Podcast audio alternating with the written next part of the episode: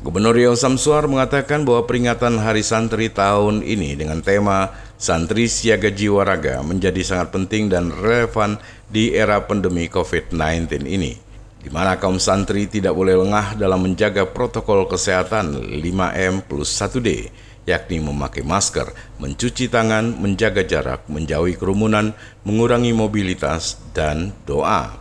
Hal ini juga perlu diperhatikan oleh masyarakat Indonesia pada umumnya agar tetap menyiagakan jiwa serta raganya demi kepentingan bangsa Indonesia, terutama dalam rangka bersama-sama untuk bangkit dari dampak pandemi COVID-19. Lebih lanjut, menurut Gubernur, kita patut mengapresiasi pengalaman beberapa pesantren yang berhasil melakukan upaya pencegahan, pengendalian, dan penanganan atas dampak pandemi COVID-19. Hal ini menjadi bukti nyata bahwa pesantren juga memiliki kemampuan untuk menghadapi pandemi COVID-19 di tengah berbagai keterbatasan fasilitas yang dimilikinya. Menurutnya, modal utamanya adalah tradisi kedisiplinan dan sikap kehati-hatian yang selama ini diajarkan oleh para pimpinan santri. Tema Santri Siaga Jiwa Raga menjadi sangat penting dan relevan di era pandemi corona COVID-19 seperti sekarang ini, di mana kaum santri tidak boleh lengah dalam menjaga protokol kesehatan 5M dan 1D memakai masker, mencuci tangan, menjaga jarak, menjauhi kerumunan, mengurangi mobilitas, dan doa.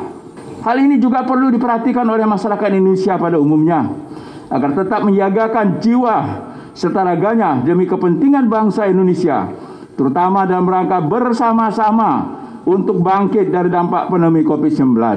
Kita patut mengapresiasi pengalaman beberapa pesantren yang berhasil melakukan upaya pencegahan pengendalian, dan penanganan atas dampak pandemi COVID-19.